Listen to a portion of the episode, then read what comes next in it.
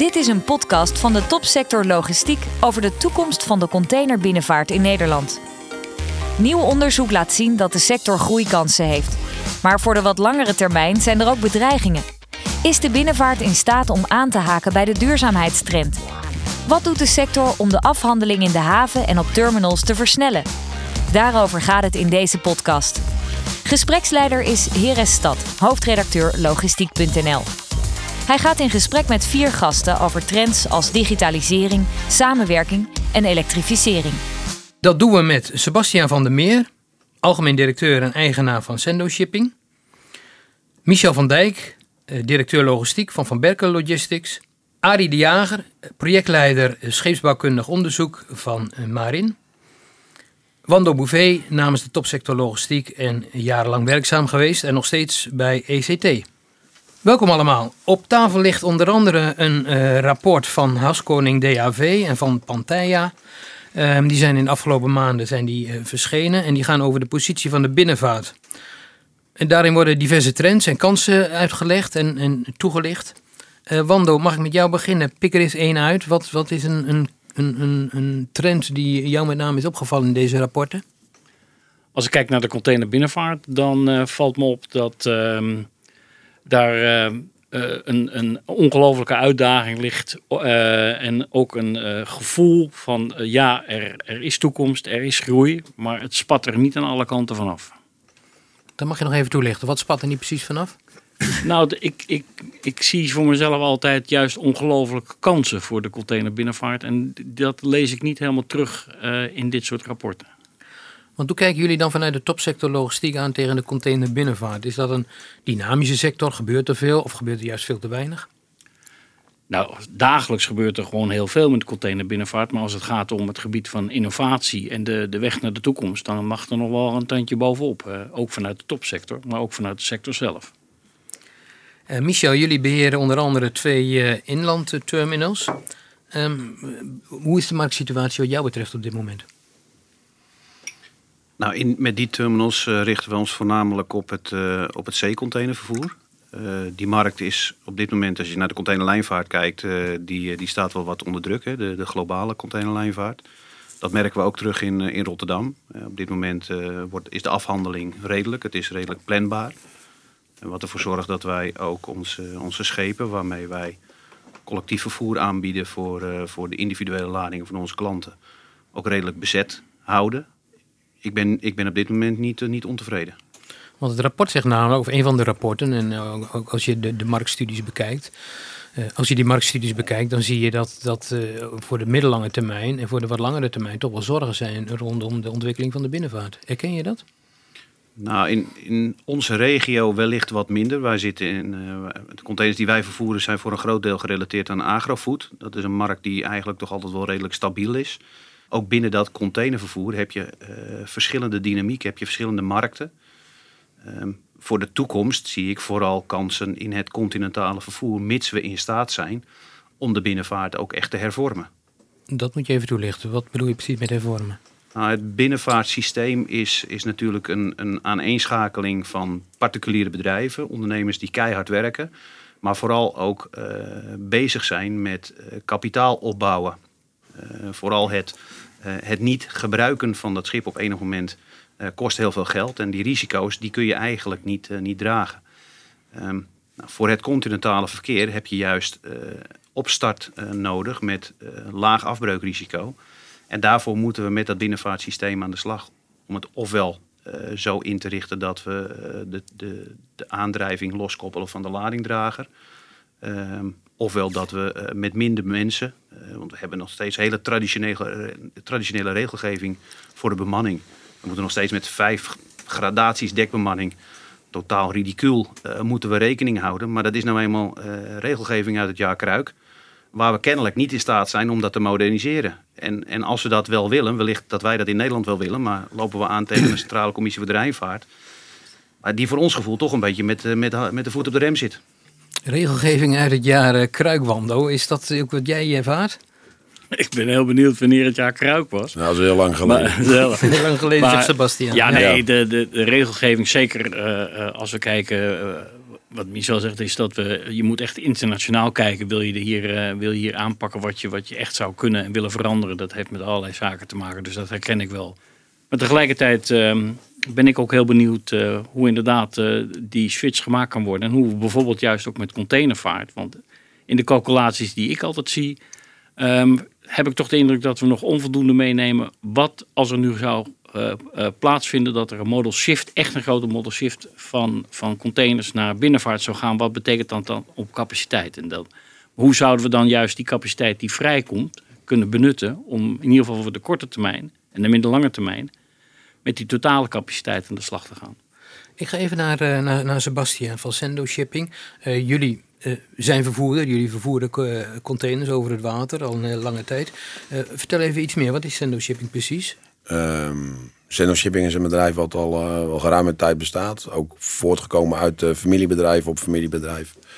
Um, in 2009 heb ik het met mijn, met mijn jongste broer overgenomen. En in 2014, 15 zijn we met de familie samen gaan werken. Om ook eigenlijk een beetje de ja, rederijvorming hoorde ik uh, daar kom ik zo nog even op terug.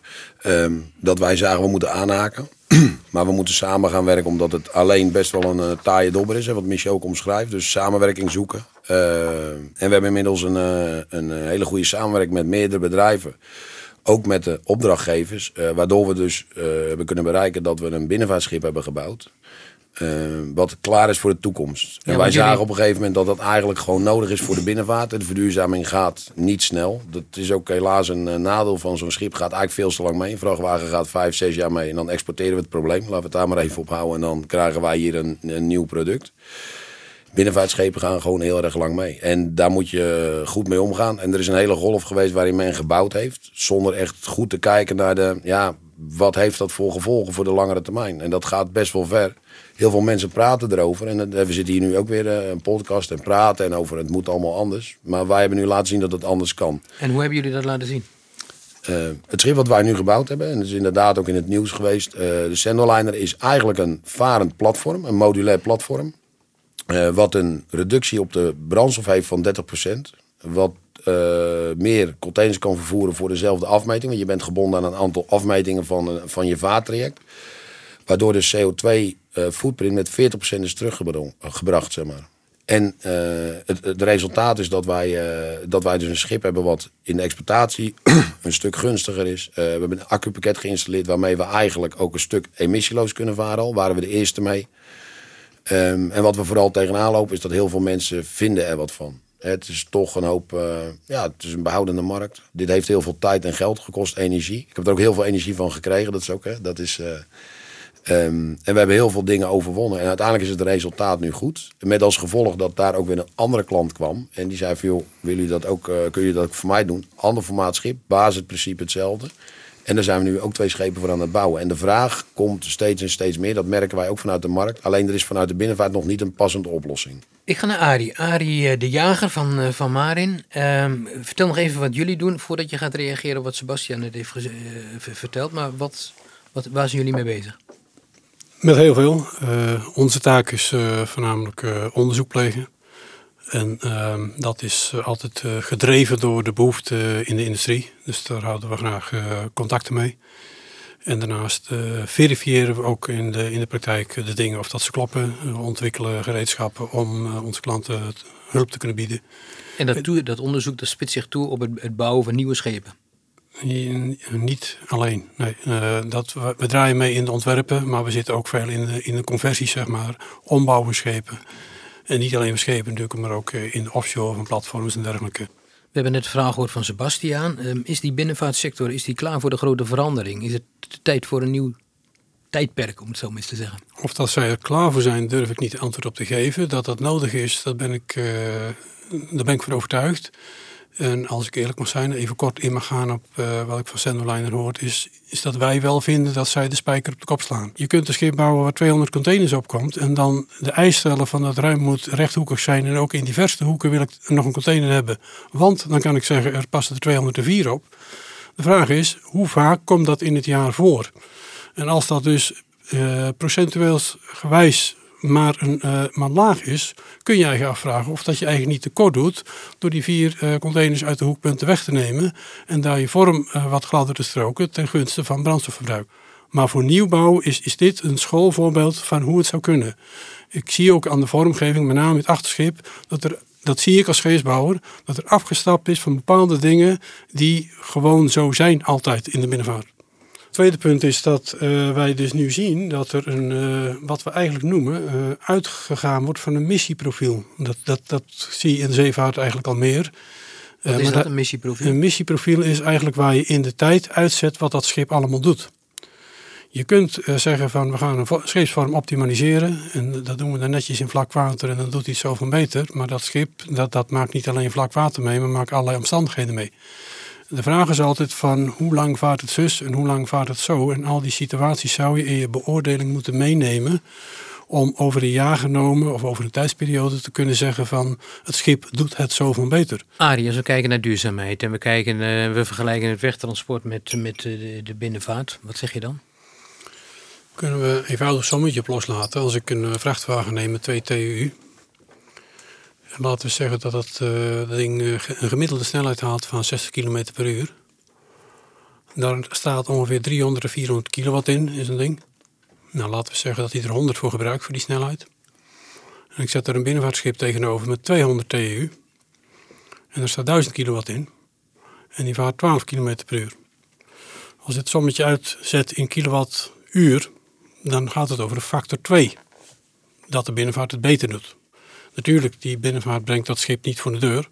Dus daar komt nog wel bij. Maar ik bedoel, het gaat niet over een paar procentjes. Het gaat over 100%. En ik maak hier een heel uh, beperkt sommetje. Maar die potentie zit er wel degelijk in. Dus in die zin ben ik niet somber over de concurrentiepositie van de, van de binnenvaart. U luistert naar een podcast van de topsector logistiek over de containerbinnenvaart in Nederland. Wat hier als centrale vraag op tafel ligt is hoe, uh, moet de binnen, wat moet de binnenvaartsector doen om concurrerend te blijven? Wando, wat is jouw reactie dan? Om te beginnen dat we met elkaar, als ik dit soort uh, ideeën, ook die nu net weer over tafel komen, als we die bij elkaar kunnen brengen als we daar uh, met elkaar een soort platform kunnen creëren dat we, uh, dat we naar de toekomst moeten kijken voor de binnenvaart. Nogmaals, waarvan ik denk dat die, uh, dat die groot is. Met enorme kansen. Maar daar begint het wel mee. We moeten wel gewoon met z'n allen van overtuigd zijn dat de binnenvaart, zeker voor containers, ongelooflijke potentie hebben. Maar dan moeten we ook met elkaar proberen een soort masterplan te maken. Want ja, ik begrijp wel dat er heel veel dingen niet kunnen. En, uh, maar als je ergens met elkaar een stip op de muur durft te zetten over, uh, nou inderdaad met een horizon van over 20 of in 2050. En dan daar vandaan terugrekenen van wat kunnen we dan nu doen vandaag om daar uiteindelijk uit te komen. Ja, dan, dan kan er wat gaan gebeuren. Niet als we elke dag weer met elkaar van de dag van morgen en dat dit niet kan en dat niet kan. Energietransitie is natuurlijk gigantisch op dit vlak. Zeker als het gaat om die enorme investeringen. Wat is je bestaande vloot? Wat kan je daar nog mee? Maar het gaat ook over uh, digitalisering. Het gaat over uh, processen stroomlijnen. Het gaat over uh, seamless afhandelingen in havens en op achterlandterminals. Het gaat over met elkaar in contact en contracten komen, wat absoluut op dit moment niet aan de orde is. Het is, het is, het is loszand. Maar het is wel, als je alle argumenten die Wando opnoemt bij elkaar pakt, dan heb je het vooral over een systeemsprong. Je moet op een hele andere manier met binnenvaart omgaan. Um, en je moet je afvragen, hoe zorg ik ervoor dat in die mobiliteitsmix binnenvaart een veel grotere rol kan spelen. Dat betekent dat je competitiever moet zijn, dat je in staat moet zijn lading te verleiden naar dat schip. En ja, hoe je het ook went of keert, een schip is nou eenmaal een veel groter vervoersmiddel. En daar zul je dan op de een of andere manier uh, oplossingen voor moeten bieden. Deelbare lading, maar dan ook wel op een zodanige manier dat je, die, uh, dat je de ladingdragers, dus de containers, ook laat aansluiten bij de lading. Ik denk dat vooral de bulklading uh, veel meer gecontaineriseerd kan worden. Uh, en daarmee ook uh, een grote bijdrage kan leveren aan het opzetten van lijndiensten voor continentaal verkeer. wij zijn ook helemaal nog niet bezig met, met die, die hele technische verduurzaming. ik, vind het, ik vind het heel goed dat het gebeurt. Ik ben ook van mening dat we als binnenvaart niet per definitie voorop hoeven te lopen. Die technologie die ontwikkelt zich. Je moet vooral als binnenvaartschipper en als ondernemer zorgen dat je adaptief bent als je een schip bouwt voor de komende 40, 50 jaar. dat je mee kunt eh, groeien in die ontwikkeling die veel sneller gaan dan, eh, dan wat jij als ondernemer nu kunt voorzien. En in die zin denk ik dat het, eh, het modulair bouwen, eh, wat jullie gedaan hebben, eh, dat dat een, een, een stap in, de- in, in de goede richting is. We gaan straks over die technische verduurzaming nog verder praten, ook met, met, met Arie. Maar ik wil toch nog eerst even terug naar, naar Wando. Jij noemde net eh seamless afhandeling. Waar hebben we het dan precies over? Als ik kijk naar hoe de hele relatie in de, en de hele logistieke keten in elkaar zit. als ik kijk hoe er onderling afspraken worden gemaakt. Of, of partijen dus niet met elkaar in gesprek zijn. Ook geen integrale planningen hebben. eh, dat dat eh, er geen relaties, misschien zelfs ook contracten met elkaar liggen. Dan valt er op dat vlak echt heel veel te doen. En, en ehm, zal je dus ook heel goed moeten kijken. Kan je dan dus dan naar een, wat ik dan even noem, een seamless afhandeling komen. Tegelijkertijd eh, zou je ook moeten durven vaststellen van als, nou, als je nou die twee logistieke systemen ziet van die grote terminals in die Rotterdamse haven bijvoorbeeld. En je ziet de logistiek van de binnenvaart, dan, dan past dat wel, zoals dat nu hard aan elkaar gekoppeld zit, past dat wel zo? Of moet je dat niet proberen te ontkoppelen, zoals in logistiek heel vaak ontkoppeld moet worden? Ik, Nou. ik denk dat jij da- dat vindt. Jij, jij, jij wil dat ontkoppelen. Ik zou als een van de. Ik denk dat je niet naar één ding moet kijken. Ik denk dat je naar meerdere dingen moet kijken. Want, want eh, we praten over Windows, we praten over bundeling. Eh, er zijn allerlei dingen die kunnen gebeuren. En, Nou, die gebeuren op dit moment ook. Maar ook een manier van kijken is: eh, moet je de logistiek. tussen, als het over dat soort grote aantallen gaat. Moet je die twee logistieke cirkels niet, eh, niet ontkoppelen. Nou, en daarvan is onder andere dat idee over, moeten we niet eens kijken naar, eh, naar een bakkerconcept. eh, wat we dan nu even noemen het Lego, omdat we nog niet helemaal weten.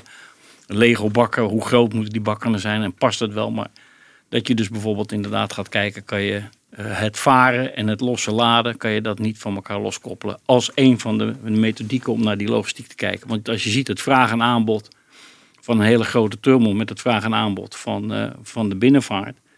Ja, dan zit, daar een, eh, daar zit een groot verschil in. Wat je bijna niet kan oplossen met alleen maar afspraken maken. Moet je ook een systeemsprong durven te maken in, eh, in het organiseren. Maar wat ik heel belangrijk zou vinden is dat, dat men gewoon ook met elkaar in gesprek gaat. Dat doen we eigenlijk dagelijks ook met, eh, met onze trucks en onze chassis. We laten geen enkele chauffeur met, eh, met eh, trekkende eenheid bij een verlader staan. Om te wachten tot er een container vol of leeg is. Dat koppelen we af. Ehm, ga je met duwbakken werken, kom je in, in, zeker in de containerlijnvaart, eh, waar je heel frequente vaarsystemen hebt, kom je met andere uitdagingen. Maar daar moet je wel naar willen kijken. Daar heb je ook het havenbedrijf bijvoorbeeld voor, voor nodig. Je hebt ook fysieke omstandigheden waar je dan mee te maken hebt. Eh, en aan de andere kant, met, met duwbakken, eh, heb je wel een, eh, een extra vraagstuk. En dan, weet je, dan moet je even afstappen voorlopig van het idee dat ik tegen de laagst mogelijke energiekosten wil gaan varen. Want dat ga je in ieder geval wel met duwboten en duwbakken inleveren. Dus wat dat betreft denk ik dat Marin nog een, nog een hele klus heeft om, om, om dat model ook in die zin te optimaliseren. Maar wat mij betreft zeer welkom. Is het een concept waar jij in gelooft, Arie? Logistiek zeker wel. Wij noemen dat scheiden van functies eigenlijk. Eh hydrodynamisch gezien, eh, wat ik al hoor zeggen. Het is voor ons niet de uitdaging om het te onderzoeken. Maar we weten op voorhand dat je het met een eh, duweenheid niet gaat winnen van een schip. Dus vanuit energie en vanuit uitstoot geredeneerd ga je daar niet mee vooruitkomen. Dus daar moeten we niet mee aan de slag? Of Dat wil ik niet zeggen. De, er zitten natuurlijk veel meer kanten aan. Je moet eigenlijk naar het complete model kijken. Eh, hetzelfde geldt eigenlijk voor eh, wat je nu ook ziet, eh, langzamer varen. Natuurlijk is dat een oplossing. Als je naar de karakteristiek van een schip kijkt en je haalt de kop ervan af, dan sla je dus spijkers met koppen. Maar als alle schippers dat zouden doen, hoe gaat het dan hè, met het huidige aantal schippers? Hoe gaat het dan uiteindelijk in de tijd? Moeten er dan niet veel meer schepen bij gaan komen om die containers op tijd overal te krijgen? Als dat zo is, varen er meer schepen en ben ik uiteindelijk toch weer meer energie in het systeem aan het stoppen. Of ik ben het eigenlijk wel volledig eens met Arie dat de brandstof of de energievraag, dat is wel een hele bepalende. Want in de toekomst hebben we inderdaad wel eh, misschien onbeperkt groene energie. Of, maar wat kost dat dan? En is men dan ook bereid om daarvoor te betalen? Wando, jullie willen juist van, eh, de, door, door pilots op te starten proberen te onderzoeken of deze vraagstukken, of die dan ook, eh, hoe dat dan in de praktijk uitpakt. Klopt dat? Ja, dat klopt. Hebben ook, eh, dat heeft Topsector heeft daar ook eh, een aantal uh, onderzoekbureaus uh, onderzoek naar laten doen om juist ook dit soort vraagstellingen die daarbij komen en dit soort problematieken die gezien worden, om die eens in kaart te brengen. En dan, dan zie je in de eerste resultaten ook nu dat het op sommige trajecten absoluut niet past, andere trajecten wel. Daarom blijf ik ook zeggen, het is één van de, van de oplossingen. Maar nogmaals, ik, vind, ik vind het geweldig als we in ieder geval met elkaar in die discussie komen. En dat we niet meteen in de kramp schieten als we, maar zoals hoor ik heel veel dingen over tafel. Dat ik ben zeer onder de indruk wat Sebastian aan doen is met zijn schepen. En, en hoe de Maren daar naar kijkt en de partijen. Maar dat, zo gaat het, zo, daar moeten we wel naartoe. De elektrificering van schepen, dat is 100%, dat is goed. Dat hebben we bewezen met een bestaansschip. Dat, dat kan gewoon heel goed. Dat kan met nieuwe schepen. Ik denk dat ook, dat zie je ook steeds meer gebeuren. Dat mensen toch elektromotoren plaatsen, complete elektrificatie. Dan ben je eigenlijk al een heel stap dichter bij, uh, ja, of je nou accu pakt, waterstof, wat het ook wordt. Uh, ammoniak of biobrandstof. De verschuiving is op gang gebracht, Michel. Uh, en dat gaat de goede kant op, in jouw optiek? Ja, maar ik zou wel graag de heigerigheid eruit willen hebben. Het idee dat we allemaal voorop moeten lopen. Uh, laten we eerst beginnen inderdaad met het elektrificeren van die binnenvaart. Ervoor zorgen dat als uh, schepen nieuw gebouwd of hermotoriseerd worden... dat er dan in ieder geval een, een elektrisch aangedreven schroef... en of dat nou door middel van een roerpropeller is... wat wellicht in de toekomst ook weer kan bijdragen aan autonoom varen... Of een traditionele schroefroeraandrijving, maar wel met een elektromotor. Dat zorgt er in ieder geval voor dat je uh, op het moment dat die alternatieve technologie er is, je niet enorme uh, uh, economische afschrijvingen hebt op je, op je investeringen. en het ook mogelijk maakt. Want dat is natuurlijk ook wel een van de dingen met binnenvaart. Je kunt de technologie van vandaag, ja, wellicht kun je die al gebruiken. Maar er zijn nog heel veel schepen die rondvaren met ja, met investeringen die nog misschien nog wel 10, 15 jaar moeten gaan afschrijven. Ja, dus om die snelheid erin te krijgen, moet je zorgen dat binnenvaart adaptief is. En nou dat begint volgens mij met het elektrificeren van je schip. Eh, voor het systeem is het nodig, en zeker als je naar de toekomst toe meer wilt gaan doen met, eh, met binnenvaart, het beter wil inzetten en, en meer lading wil gaan verlijven, moet je simpeler schepen bouwen. Eenvoudiger, minder complex, adaptiever. Eh, want die technologie die, die, die gaat toch wel door. Dat hoef je niet als binnenvaart te ontwikkelen. Je moet zorgen dat je er klaar voor bent. Uh, we sluiten af met een, uh, met een kort rondje. Wat moet er op korte termijn gebeuren om de binnenvaart een enorme boost te geven? Sebastian. Samenwerken. Samenwerking zoeken. Michel is een voorbeeld zoals dat al doet met zijn klanten. Wij doen dat ook. En dan laten we toch gezamenlijk zien dat we voor de langere termijn iets aandurven gaan. Het zijn investeringen, het zijn verduurzaming. Dat is wat ik denk dat we op korte termijn kunnen halen. Arie? Ik sluit aan bij wat uh, Sebastian zegt. Uh, zeker in de toekomst voor uh, nieuwbouw van schepen alle reden om een ontwerp goed te onderzoeken van wat er uithaal is, wat erin zit, zeg maar. daar zijn wij klaar voor, daar hebben we de spullen voor, daar kunnen we assistentie in verlenen en daar hebben we ook ideeën over. Daarnaast, wat ik hier zojuist heb horen zeggen over de Lego-bakken, het scenario's gewijs onderzoeken van de transportketen hoort er wat mij betreft gewoon bij. Waar is het schip voor bedoeld? Welke, welke trade bedoelt u? En, en laat ons onderzoeken of dat een bepaalde oplossing daar het beste in presteert. En dat hoeft niet per definitie een op zichzelf staand binnenvaartschip te zijn. Dat zou een combinatie kunnen zijn. Michel? Ja, als het gaat om wat wij op korte termijn zouden kunnen doen, dan denk ik dat we, uh, ja, dat is een beetje cryptisch, maar de lange termijn gaan omarmen. Uh, en niet te veel in, in het nu blijven hangen. Uh, maar vooral ontwikkelen naar, naar de toekomst toe. Wellicht eventjes over je eigen schaduw heen stappen en uh, no regret maatregelen nemen. Waarbij bijvoorbeeld het, het inzetten van duwbakken ehm, niet geschuwd moet worden. Ook hele andere elementen zou je daar nog in op kunnen nemen. En, de vorm waarin je dat zou kunnen doen is, is bijvoorbeeld het starten van een transitietafel. We hebben een, een, een model afgelopen jaar om, om een Green Deal te sluiten met de minister gevonden waarbij alle maatschappelijke partijen, of alle partijen betrokken bij die binnenvaart eh, een handtekening hebben gezet. Dat zou mij heel plezierig zijn als, als wij een, een transitietafel zouden kunnen, kunnen opzetten. Waarbij we ook inderdaad die lange termijn kunnen ontwikkelen. Wando tot slot. Geloof hebben in, in, in de binnenvaart. Dat is absoluut wat mij betreft moet bovenaan staan. Want dan kan je ook dingen realiseren. En ik, ik, ik zou ook heel graag gewoon, zoals het zoals dat heet, uh, ga aan het roer staan van je eigen toekomst. Ik dank jullie wel voor jullie bijdrage aan uh, dit gesprek. Uh, Sebastian van der Meer van Sendo Shipping, Michel van Dijk van Van Berken Logistics, Arie de Jager van Marin en uh, Wando Bouvet namens de topsector logistiek. Dank u wel. Graag tot de volgende keer. Dank u wel voor het beluisteren van deze podcast.